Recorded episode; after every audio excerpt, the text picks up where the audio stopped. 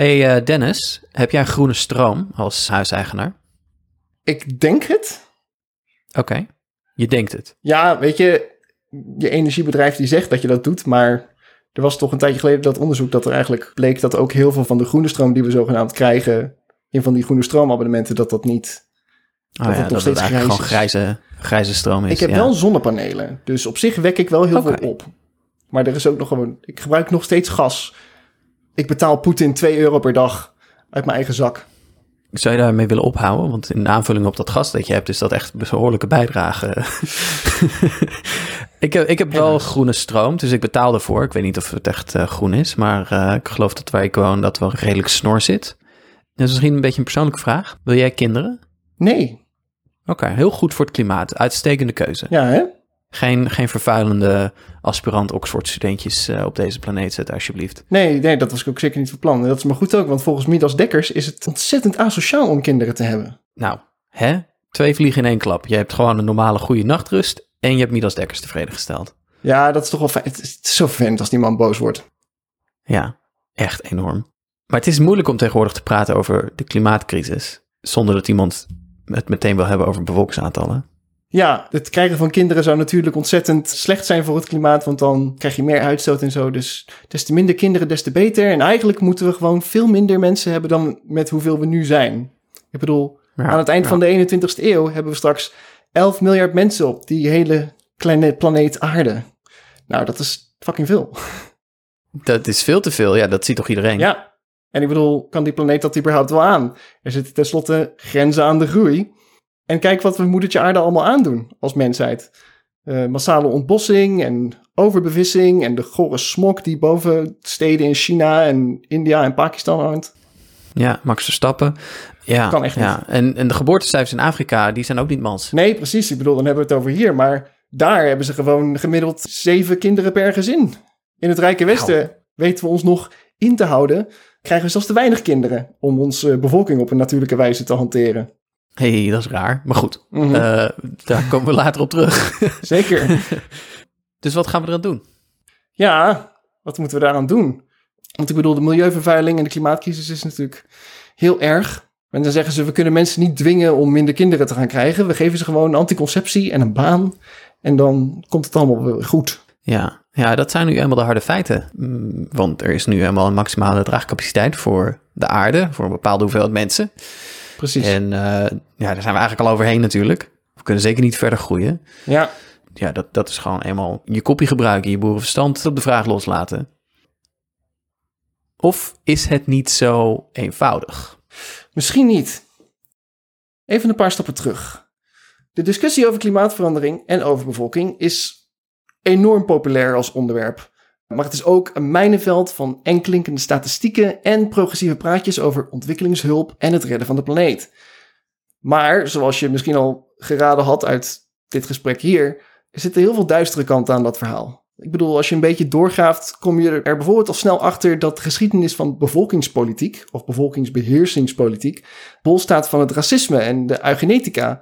Mensen met baarmoeders zijn heel recent nog massaal gedwongen tot sterilisatie. In naam van geboortebeperkingen, bijvoorbeeld China of India of de Verenigde Staten. Dus als het doel urgent genoeg is, bleek in het verleden alle middelen geheiligd. En er is eigenlijk ondertussen niets urgenter dan de klimaatcrisis. Dus wat gaan we dan doen? Nog een stapje terug. Is overbevolking überhaupt de oorzaak van de klimaatcrisis? Wie zegt dat? En wat voor motivaties hebben mensen om een nadruk op menselijke bevolkingsaantallen te leggen? Laten we daar eens mee beginnen. Daar gaan we beginnen. Maar niet voordat ik jullie, luisteraar, allemaal welkom heb geheten bij Het Redelijke Midden. De podcast die gelooft dat Nederland uit zijn voegen kraakt door een teveel aan opiniemakers. Dennis, wij zijn hier vandaag samen. Jij bent Dennis, ik ben Thijs. Ja, dat, eh, dat, dat heb ik wel eens vaker gehoord. ja, inderdaad. Beetje een rare manier om, ons, om, om onze naam nog even te noemen. Maar goed, jij bent Dennis en ik ben Thijs. En samen zijn wij Dennis en Thijs. En wij gaan het hebben over overbevolking vandaag. De mythe van overbevolking, om precies te zijn. Want dit seizoen willen we het net iets anders doen. Elke aflevering halen we een hardnekkige mythe aan in onze politiek of cultuur. Mythes die zo alomtegenwoordig zijn dat ze de linkse verbeeldingskracht verstikken. We ontmaskeren de onzin erachter en zetten er een ander denkbeeld tegenover. We hebben er in dit seizoen al een paar voor je uiteengezet. En we hopen dat je aan iedereen in je omgeving blijft verkondigen. Namelijk, we kunnen best betere toekomst betalen. Rutte 4 blijft, ondanks de praatjes in de media, een hartstikke rechtskabinet. Gelijke kansen bestaan niet. Er is geen goede reden om recht te zijn. Eeuwige economische groei is totale onzin, gevaarlijke onzin. Praattherapie helpt niet tegen het kapitalisme en popcultuur is van ons allemaal.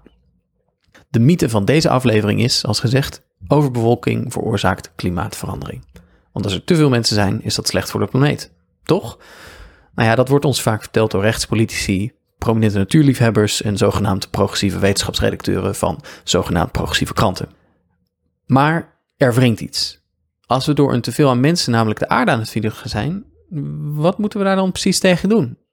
Waar draagt dat vraagstuk ons eigenlijk toe op? Wat zijn de middelen en wat is het doel? En heiligen die elkaar? Waarom hebben we het überhaupt over menselijke bevolkingsaantallen? Is dat niet eigenlijk een oerracistisch sprookje vol met gevaarlijke aannames?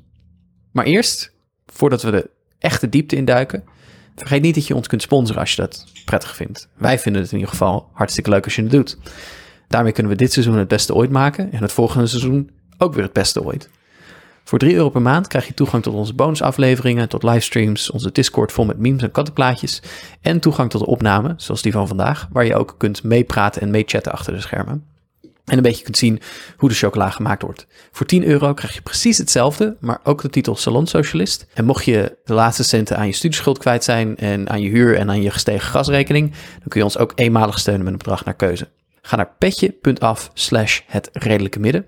Ook minstens zo belangrijk, Vergeet niet je linkse vrienden, familie, collega's te vertellen over onze podcast.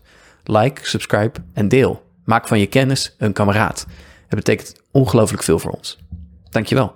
Hartstikke bedankt. Dennis, onze mythe van vandaag. Ik hoor heel vaak deze bewering over bevolking veroorzaakt klimaatverandering. Maar als we die bewering nou eens proberen een beetje zo uit elkaar te trekken. Wat voor aannames zitten er dan achter? Waar komt deze bewering vandaan? Nou, overbevolking als wereldwijd klimaatprobleem begint echt populair te worden eind jaren 60, begin jaren 70. Okay. 68 komt er een boek uit genaamd The Population Bomb, de bevolkingsexplosie. En volgens dat boek, het was nogal apocalyptisch geschreven, was binnen 10 tot 20 jaar een wereldwijde hongersnoodramp onvermijdelijk. En niet eens te voorkomen door ontwikkelingshulp of vrijwillige geboortebeperking, want er waren te veel mensen. En die konden niet allemaal gevoed worden door de huidige voedselproductie. Mhm. En dat zou dan ook weer tot allerlei vreselijke rampen leiden. Niet alleen de hongersnood, ook oorlog en algehele misère.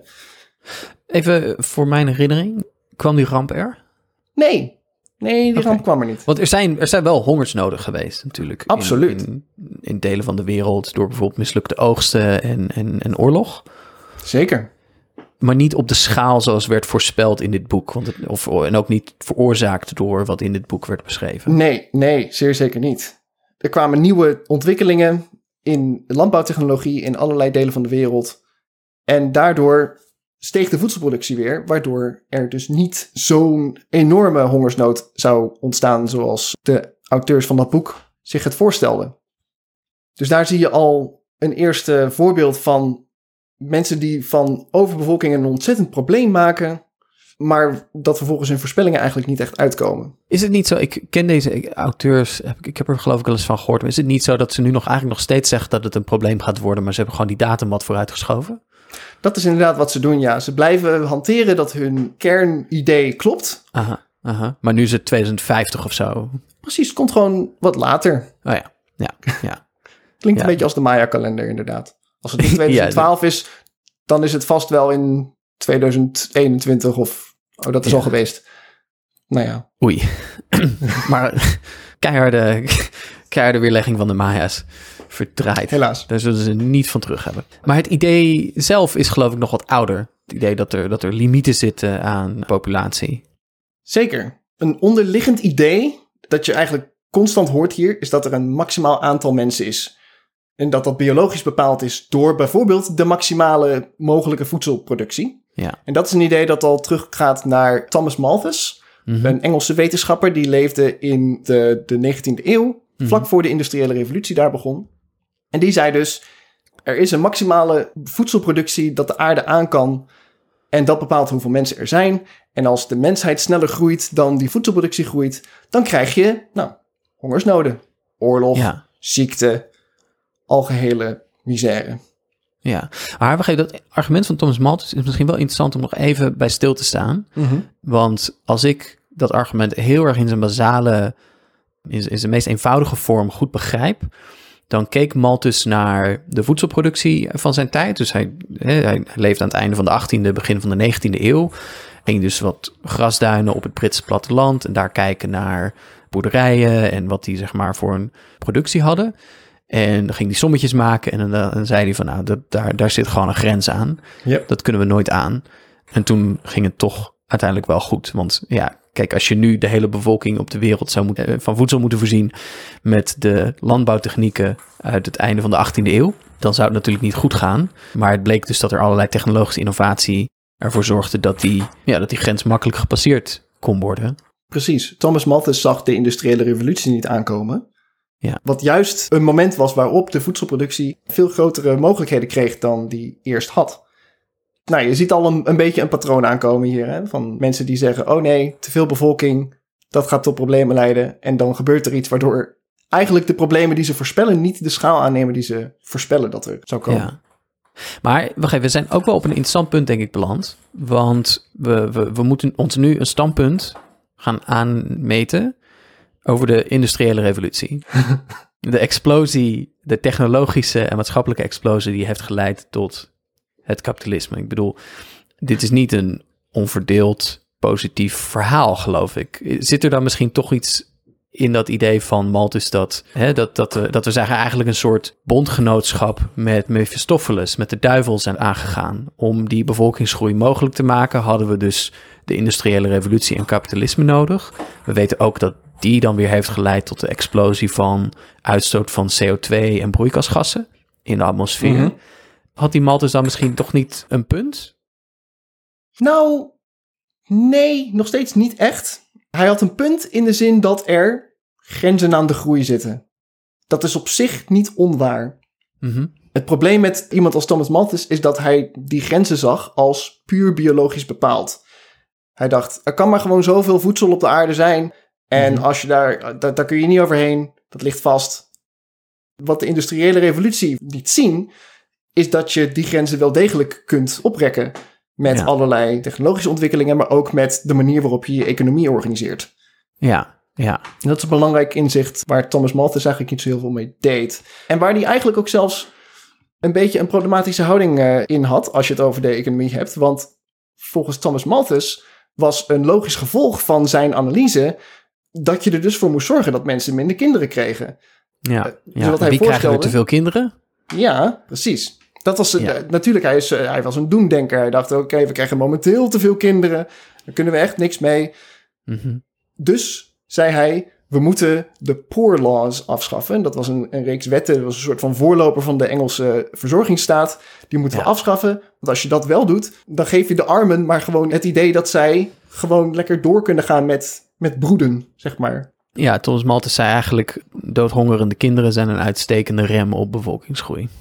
Ja, Ja, eigenlijk wel. maar ik wil nog heel even stilstaan bij dit, eh, bij dit dilemma. Hè? Want ik denk dat er zeg maar in de linkse traditie van nadenken over zaken als groei, kapitalisme, technologische mogelijkheden, de manier waarop we omgaan met de natuurlijke hulpmiddelen van onze planeet. Mhm. Een beetje zo. Er zijn natuurlijk heel veel verschillende manieren om daarover na te denken, maar ik wil er twee zo even uitlichten. Er is een beetje een soort van terug naar de natuur denken. Hè, het idee dat de moderne, het, het voortrazen van het moderne bestaan ons heeft vervreemd van moeder aarde, van de natuur. Een manier van denken die in feite zegt we zijn te veel afhankelijk geworden van economische groei en technologische innovatie. Mhm. En, en dit veroorzaakt eigenlijk al onze ellende. Dus onze vervreemding van de natuur heeft eh, ervoor gezorgd dat we ook eigenlijk op een soort doodlopend pad zitten. En we weten nog niet zo goed wanneer het precies gaat doodlopen, maar we hadden eigenlijk nooit deze afslag mogen nemen. Dat is een beetje een traditie die wat mij betreft teruggaat op Jean-Jacques Rousseau, die zeg maar naar de moderne samenleving keek en daar vol walging en verschrikking over dacht en zei, oh hemel, we zijn, eh, we zijn het eenvoudige leven verleerd. Ja, Dan is er een andere manier van denken, die eigenlijk veel meer, denk ik, te maken heeft met wat Marx schreef. Die zei, nou ja, die industriële revolutie, ondanks alle ellende die daar ook mee gepaard gaat. Hè, want Marx die kende heel goed tafereelen in steden als Manchester en Liverpool, waar verschrikkelijke rookwolken de stad bedekten onder een dikke laag smok en kinderen in de fabrieken moesten werken en er echt afschuwelijke Mhm. toestanden dagelijks plaatsvonden. Die zegt ja, maar die technologische innovatie die stelt ons ook in staat om na te denken hoe we juist die technologie zouden kunnen gebruiken voor een meer rechtvaardige vorm van ontwikkeling. En wij kunnen zeggen, hè, er zijn heel veel technologieën die onder het kapitalisme zijn ontstaan. Natuurlijk heel vaak ook gewoon met stevige financiering van staten. Ehm, Ja. eh, laten we niet doen alsof de markt dit zeg maar zelf als een soort trucje uit een doosje bedacht. Heel vaak gaan hier enorme onderzoeksbudgetten die worden beschikbaar gesteld door overheden en staten aan vooraf. Ja, precies. Uh, maar die technologie stelt ons ook in staat om na te denken over van nou, hoe zou eigenlijk een leven met veel van die technologische overvloed eruit zien? Hoe kunnen we de beste kunstmest maken om de landbouwgronden zo effectief mogelijk te gebruiken en al dat Mhm. soort dingen? Hoe kunnen we gewassen genetisch modificeren om om ze eh, beter bestand te maken tegen droogte en, en mislukkingen van de oogst? Dus een beetje die twee paden die je kunt bewandelen in dit argument.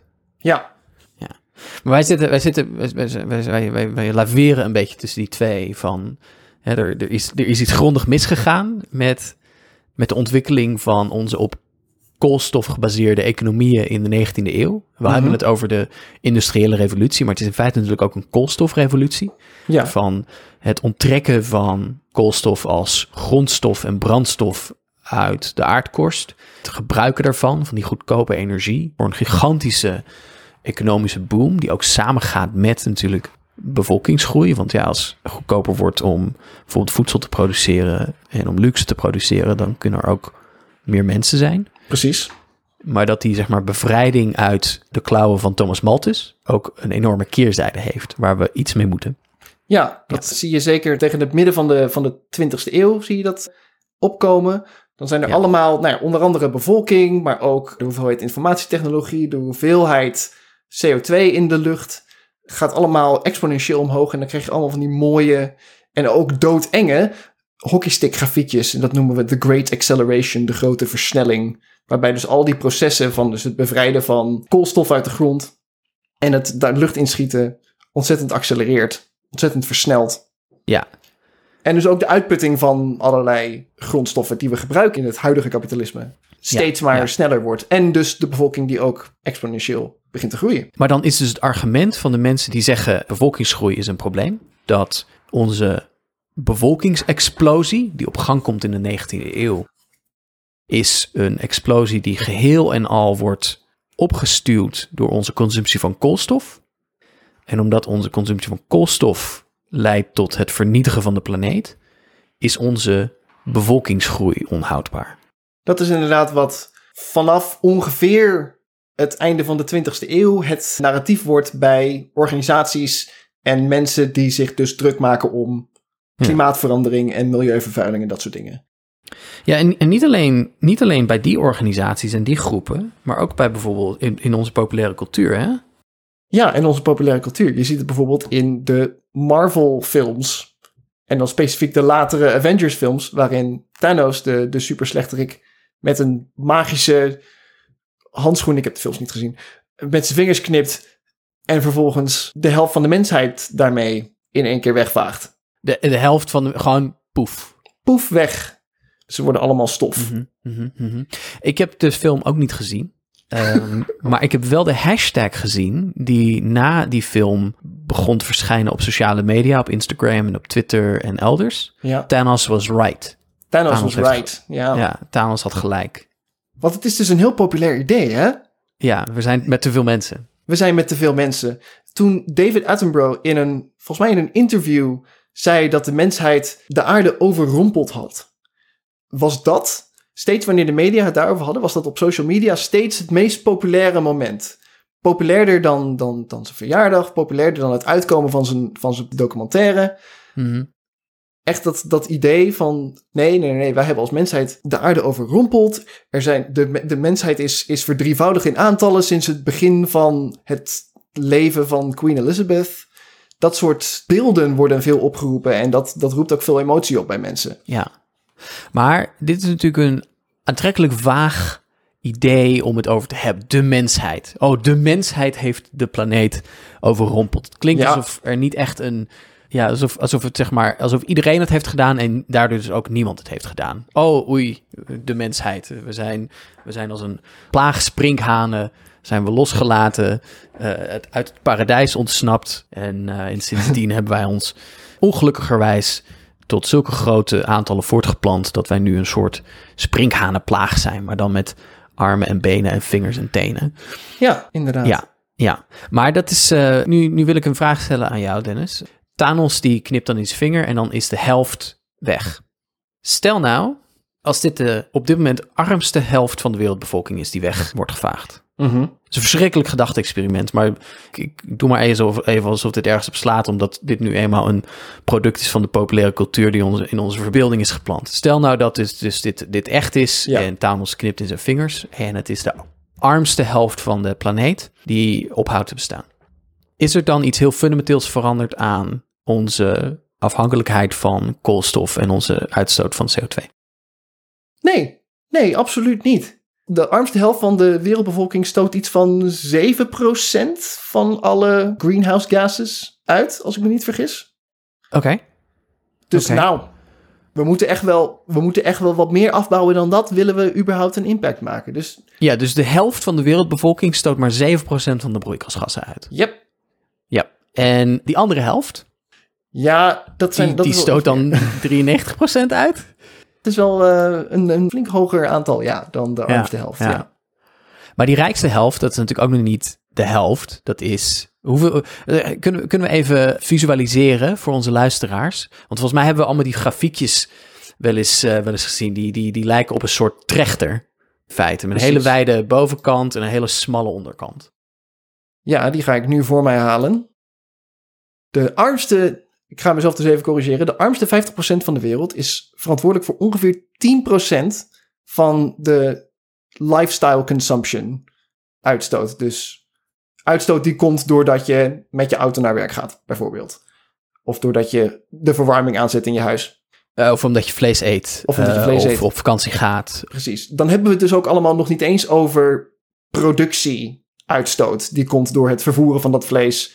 Die komt door het ontbossen van de Amazone om dat vlees te produceren. Dat soort dingen. Ja. Dat, komt er, Ja. dat komt er dan allemaal nog bij.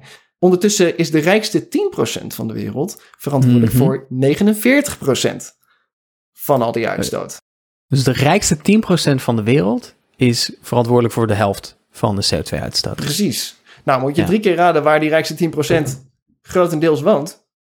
Eh, overduidelijk China. Absoluut. Want ik heb die kaartjes gezien en eh, China stoot enorm veel uit. Dus die moeten wel in China wonen. Ja, dat is, dat is precies hoe dat werkt. Ja, ja. Nee, dat zijn natuurlijk de rijke witte westerse mensen. De rijke wens- mensen in, het, in, het, in, het, in de Global North. In de Global het, eh, North. in het wereldwijde, het mondiale noorden. Ja, precies. Ja. En hier komen we eigenlijk weer bij een hele interessante en enorm problematische spanning in dit hele overbevolkingsdiscours, in, dit, in deze populatiepropaganda. Namelijk dat als zij het hebben over het verminderen van het aantal mensen, eh, idealitair zegt men vaak anderhalf tot 2 miljard mensen tegenover de ongeveer 7 tot 8 die we nu hebben. Nou, dan moet je je dus eigenlijk gaan afvragen: oké, maar wie moet er dan dus minder kinderen gaan krijgen? Ja. En dan kom je al heel snel uit bij. Nou, dat, het, dat, dat zag je eigenlijk, vanaf de publicatie van dat boek De Bevolkingsexplosie al. Het is onverklaarbaar dat ze dat niet gewoon de bevolkingsbom hebben genoemd. Bevolkingsbom. Ja, die lekkere alliteratie, die hebben ze net gemist. Hè? Dat is echt jammer. Volgens dat boek eh, zit het probleem voornamelijk in Azië en Afrika. Want daar zijn ze het meeste kinderen aan het hebben.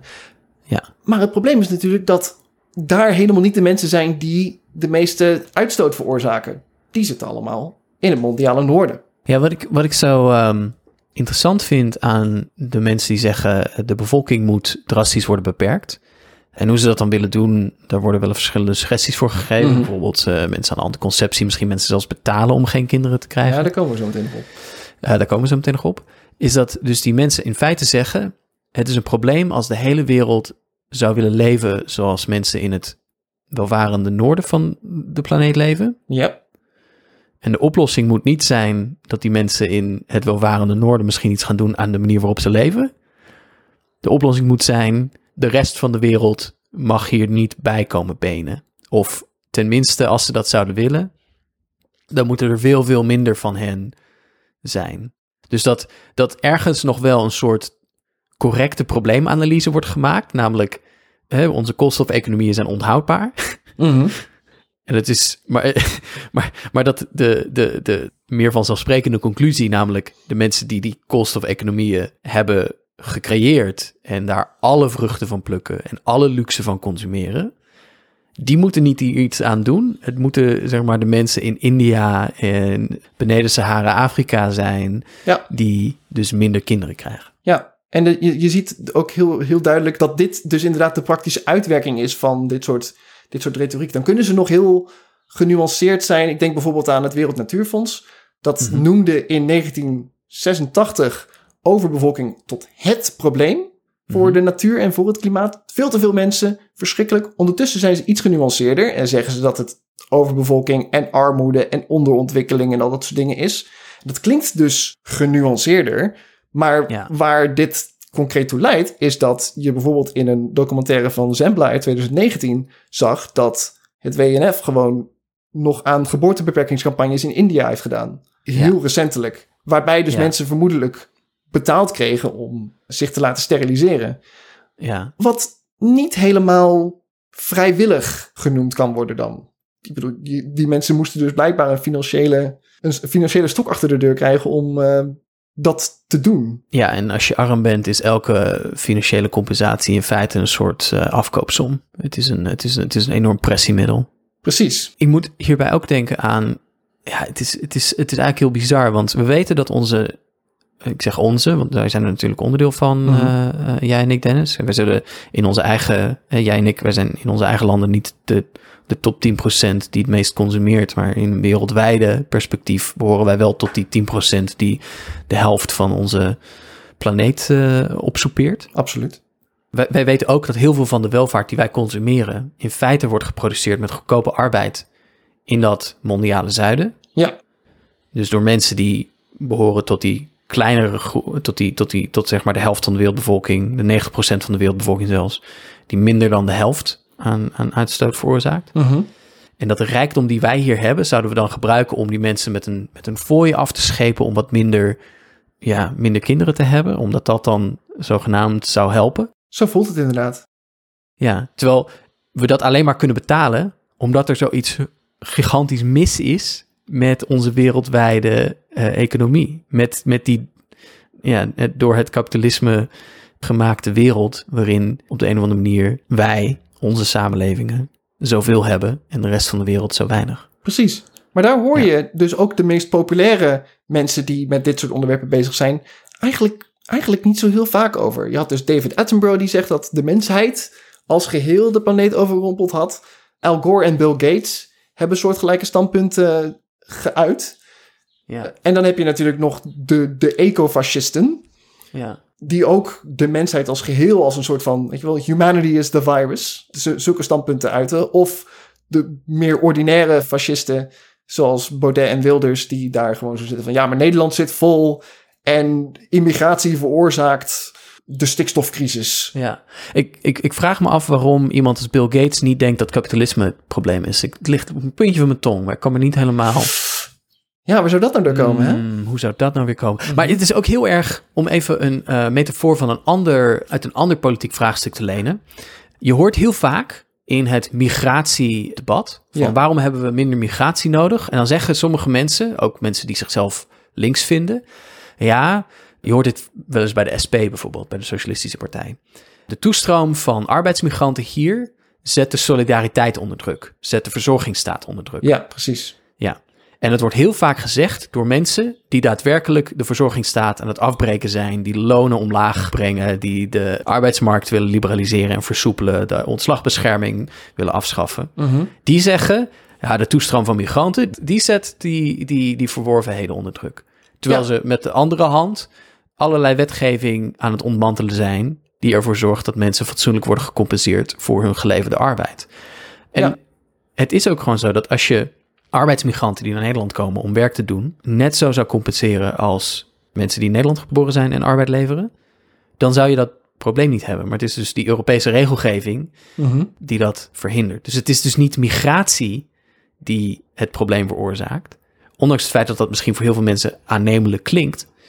Het is iets anders. Het is namelijk de economische structuur die erachter ligt. En de politieke structuur die die economische structuur dient en in stand houdt. Ja, En zo zou je dus ook kunnen zeggen dat overbevolking is niet het probleem, hoewel dat misschien voor sommige mensen wel voor de hand ligt. Hè? Het klinkt heel aannemelijk. Oh ja, nou, we zijn te afhankelijk van de uitstoot van, eh, van broeikasgassen. Dat heeft te maken met het feit dat er te veel wordt geconsumeerd. Nou, hoe kun je nou consumptie terugbrengen? Dan moet je dat doen met minder mensen. Eh, het klinkt heel erg voor de hand liggend. Maar als je dus niet ingrijpt in die structuren die erachter liggen, dan is dat dus eigenlijk alleen maar een soort. En dan is dat echt een schijnidee. En een heel gevaarlijk schijnidee. precies. Je ziet in, dat, in die ongelijkheid tussen het mondiale noorden en het mondiale zuiden ook heel duidelijk dat kolonialisme en racisme heel cruciaal zijn in hoe het kapitalisme daadwerkelijk die welvaart verdeelt. Hè? Een, een dynamiek die zich overigens ook afspeelt in dus het, het populatiediscours. Niet alleen in dat dus de problemen zogenaamd liggen bij Afrika en Azië, want daar zijn de, de bevolkingsaantallen zo hoog, de geboorteaantallen zijn zo hoog, maar ook in de geschiedenis van bevolkingsbeheersingspolitiek zit eigenlijk vol met nou ja, racisme en eugenetica, waarbij het controleren van een, een bevolking bijdraagt aan bijvoorbeeld een schoon ras. Zeg maar. dus, Mhm. dus je had bijvoorbeeld in de, in de Verenigde Staten in het begin van de 20e eeuw kwam het idee van natuurbehoud heel erg op, samen met het idee van dus een, een zuiver, een zuiver Ja. wit ras eh, behouden. Dus het uitzetten van de oorspronkelijke bewoners uit hun oorspronkelijke woongebieden om daar natuurreservaten te maken, dat, dat ging in het idee van de mensen die daar bezig waren met natuurbehoud, samen met het stimuleren van witte vrouwen om meer kinderen te krijgen, bijvoorbeeld. Om dus te zorgen dat er een, een goed wit ras is dat kan wonen in een, in Ja. een mooie, schone natuur. Wat de nazi's dan vervolgens natuurlijk vertaalden naar levensruim. En wat je tegenwoordig ook terugziet in de manier waarop Forum voor Democratie zich een blank Europa voorstelt. En dat de stikstofcrisis de schuld is van immigranten die veel te veel ruimte innemen. En dat de manier waarop Forum voor Democratie natuurbehoud wil doen, dat wordt dan een mooie, schone, groene natuur. En als je voor GroenLinks kiest, dan kies je voor een ranzig uitziende horizon met windmolens. Dus dat voor, voor hun komt dat beeld van een, van een mooi groen Europa ook weer goed samen. Ja. Er, er zit zelfs ook nog een element in. Wat ik, ik vind het moeilijk om dit te verwoorden, maar ik ga toch een poging wagen. Omdat ik denk, jij en ik ook al een beetje. Zelfs jij en ik trapten hier al een beetje in. We hadden het in het begin van deze af, eh, aflevering over de vieze steden in bijvoorbeeld China, eh, maar ook bijvoorbeeld in Mexico en in India. Ja, Waar de smog dik over de stad hangt en de luchtkwaliteit echt erbarmelijk is. Gewoon gevaarlijk om in te ademen. En die worden dan toch een beetje gecontrasteerd met de ja, schone lucht in steden als Oslo en andere Europese steden. Alsof daar eigenlijk al een soort normatief beeld in zit van de witte mensen in dat mondiale noorden, die stoten CO2 uit op een manier die niet vies is. Of op Ja. een verantwoorde manier. Terwijl daar in al die vieze landen, in andere delen van de wereld, de vervuiling eh, heel vies is. Dus die, al die niet-witte mensen, die, die vervuilen eigenlijk op een manier die ook nog eens een soort esthetisch en moreel minder waardig is. ja, Terwijl natuurlijk de eigenlijke reden hiervoor is, opnieuw, hè, ik, ik maakte eerder de grap van, oh nou, dan zal China wel er iets aan moeten doen, want die stoot zoveel uit. Ja. Dat al die productie van de, de welvaart en de luxe die wij in het Westen consumeren, en die met Amazon en andere bezorgdiensten binnen een dag op onze stoep staat, die is naar de marge geduwd. Die, die vindt plaats in dat mondiale zuiden en in China. Ja, precies. Dus daar vindt de geografische uitstoot van onze CO2 plaats, in feite. Dus in die schone steden in dat mondiale noorden. Wij stoten wel die CO2 uit, maar we hebben op de een of andere manier een economisch systeem gebouwd, waardoor de geografische locatie van die uitstoot Mhm. de miljoenen steden in China zijn en de rivierdelta in Bangladesh. Precies. We hebben onze uitstoot geëxporteerd. De Ja. vervuiler is de ander. Ja, ja, dus wij hebben hier de schone lucht en de Amazon producten binnen een dag op onze stoep. Maar Ja. we hebben niet. En je ziet natuurlijk ook binnen landen wel. Een land als de Verenigde Staten bijvoorbeeld. Heeft heel vieze industrie aan de golf. De golf met Mexico. Dus dat is de kust van Louisiana en Alabama. Mhm. En een klein deel Florida. Ja, daar wonen ongelooflijk veel arme zwarte mensen. En daar is niet geheel toevallig ook de meest gore industrie van de Verenigde Staten te vinden. Dus je Ja. ziet het natuurlijk ook binnen landen wel dat die periferie, waar de uitstoot daadwerkelijk plaatsvindt en waar allerlei gif in de grond wordt gepompt, altijd samenhangt met de meest gemarginaliseerde groepen binnen een kapitalistisch systeem. De mensen met de aangeharkte tuintjes in de stad waar ik woon, in Portland, maar ook elders natuurlijk, die hebben het op zich wel goed voor elkaar. En die hebben veel economische en financiële slagkracht om hun lokale politiek te belobbyen. Om te vragen om die uitstoot alsjeblieft ver van hun bed te houden.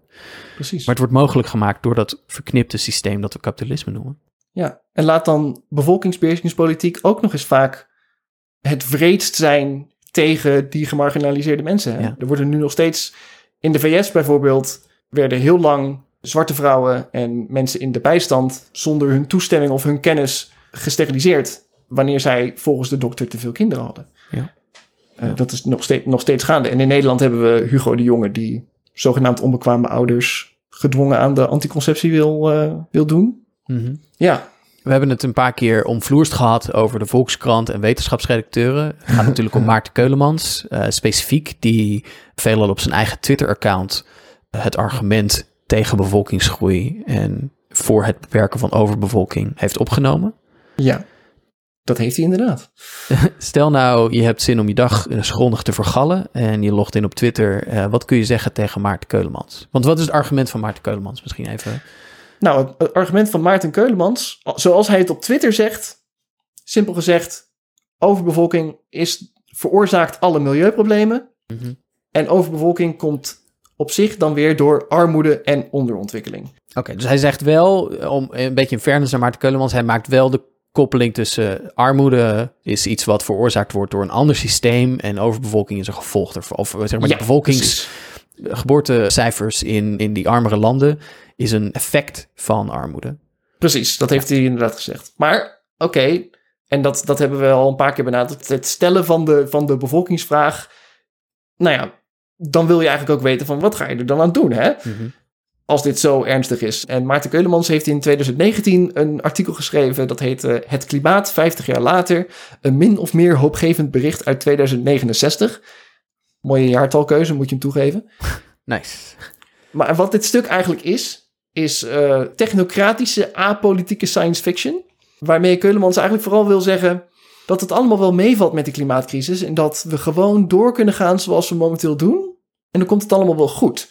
Wat hij zich namelijk voorstelt, het is dus een, een soort optimistische terugblik vanuit dat jaar.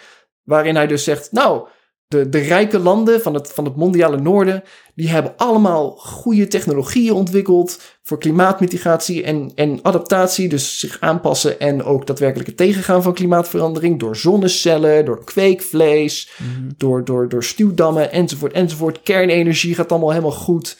Super. Iets wat we eigenlijk momenteel ook al aan het doen zijn. Dus er verandert in het Westen niet zo heel veel. Ja. De arme landen, dus het, het mondiale zuiden, die krijgen ontwikkelingshulp van niemand minder dan Sigrid Kaag. Een heldhaftige witte vrouw die eh, vrouwen in Afrika en, in, en India kooktoestellen, sanitair en scholen geeft. En deze nieuwe generatie geletterde werkende vrouwen redt vervolgens de wereld door minder kinderen te krijgen. Eind goed, al goed. Eindgoed al goed zou je zeggen, maar dat is dus, het is, het is een heel apart soort science fiction wat je hier eigenlijk leest. Omdat, nou ja, het, het mondiale noorden krijgt dus business as usual. Wij, wij kunnen gewoon lekker doorbrechtmannen met onze technologie en dan verandert er niet zoveel. En we hoeven alleen maar eventjes met een beetje flinke ontwikkelingshulp in te grijpen in het globale zuiden. Dat moeten wij doen. En dan is het dus goed gekomen. Ja. Over structurele ongelijkheid, waar we het net over hadden, over de oorzaken van die armoede, die dus volgens hem overbevolking veroorzaakt. Ja. Daar wordt helemaal geen woord over gesproken. Dus, en daar verandert ook niet zoveel aan. Waarschijnlijk omdat hij denkt dat dat niet mogelijk is. Dus eigenlijk is die science fiction helemaal niet zo hoopgevend of optimistisch. Ja. Tegenover zetten wij dan een probleemanalyse die veel meer de kern raakt. Namelijk, kapitalisme is het probleem. En als je iets wilt doen aan klimaatverandering, dan moet je iets doen aan het kapitalisme.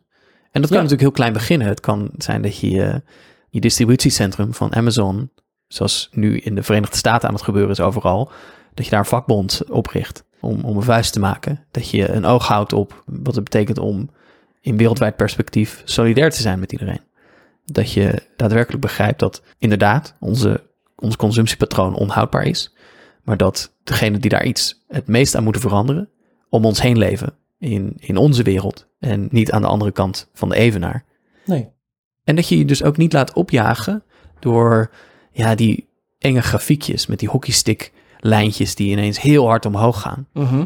Ja, het is heel belangrijk om dat, dat te beseffen hoor. Dat, dat overbevolking als, als praatpunt is echt een heel erg een gevoelskwestie. Ja, En je moet je daar niet, je moet je daar niet door laten leiden. ja, ja. Resumerend, samenvattend, Dennis. Ik zou nog één ding willen aankaarten hier. Ja. Dat ik toch wel heel belangrijk vind. Maar wat, wat echt niet onderbelicht moet blijven. En wat, wat echt essentieel is. Is dat wanneer dus al, al deze mensen die we hier, hier weer genoemd hebben. Voornamelijk zo niet exclusief mannen. Cis-mannen.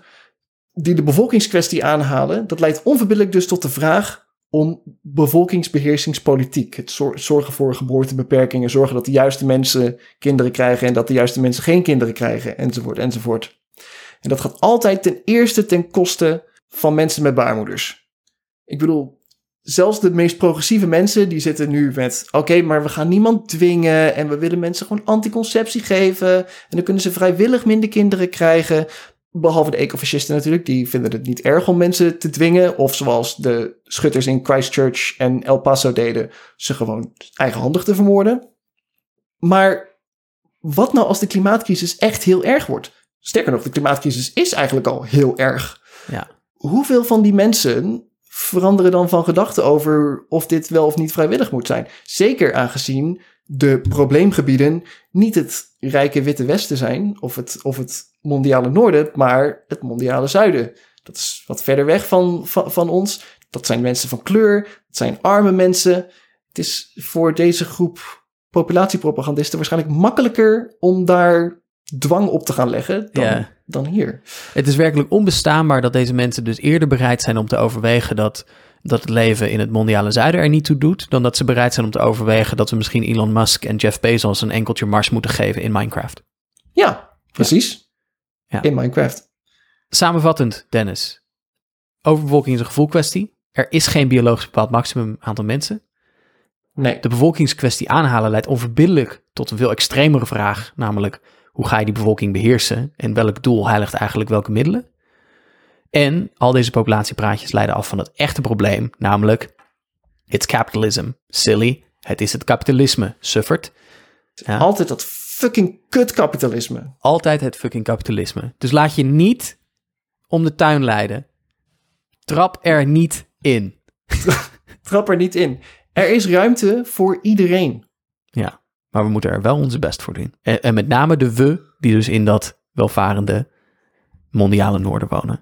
Wij, jij en ik. Wij hebben, wij hebben eigenlijk de politieke plicht om het kapitalisme te ontmantelen. Ja. Ja. Nou, Nou. dat accepteer ik wel met, eh, met enig enthousiasme. Oké. Dennis, Thijs, het redelijke midden van deze week. Zal ik hem eh, onthullen? jij mag het redelijke midden van deze week onthullen. Wij danken deze eh, redelijke midden aan eh, Taco, die de bijdrage leverde in onze Discord-server. hartelijk dank, Taco.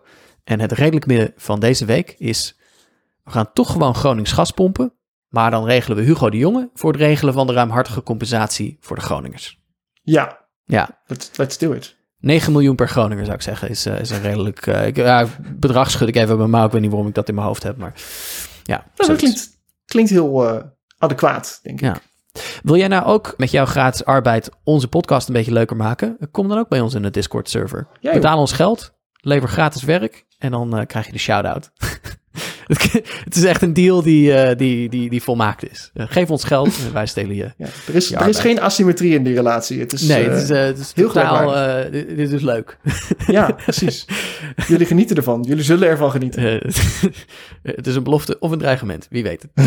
Ehm, hoe dan ook, dat was het weer voor deze aflevering. Hartelijk bedankt, lieve luisteraars, voor het luisteren. Eh, we zijn jullie ongelooflijk dankbaar of je nou kameraad bent of salonsocialist of gewoon voor het eerst luistert. Heel fijn dat we met jou tijd mogen, hebben mogen doorbrengen. Vergeet niet om je vrienden, je familie, je kennissen te vertellen over onze podcast. Maak van je kennis een kameraad. Hoort zegt het voort en spread the word. Al onze bronnen kun je terugvinden in onze show notes op de website hetredelijkemidden.nl. Je kunt ons volgen op Twitter op twitter.com slash redelijkemidden en op Instagram op instagram.com slash redelijkemidden. Je kunt Dennis volgen op Twitter op neoludification en je kunt mij Thijs volgen op Twitter op kleinpastethijs. Vragen, complimentjes, memes, ideeën voor nieuwe afleveringen, kritiek, wat dan ook. Je kunt ons een e-mail sturen, recepten voor Pim om uit te proberen. Je kunt ze sturen naar hetredelijkemidden@gmail.com. En wij hopen natuurlijk dat we je weer mogen verwelkomen als luisteraar over twee weken. Dankjewel en houdoe. Tabé.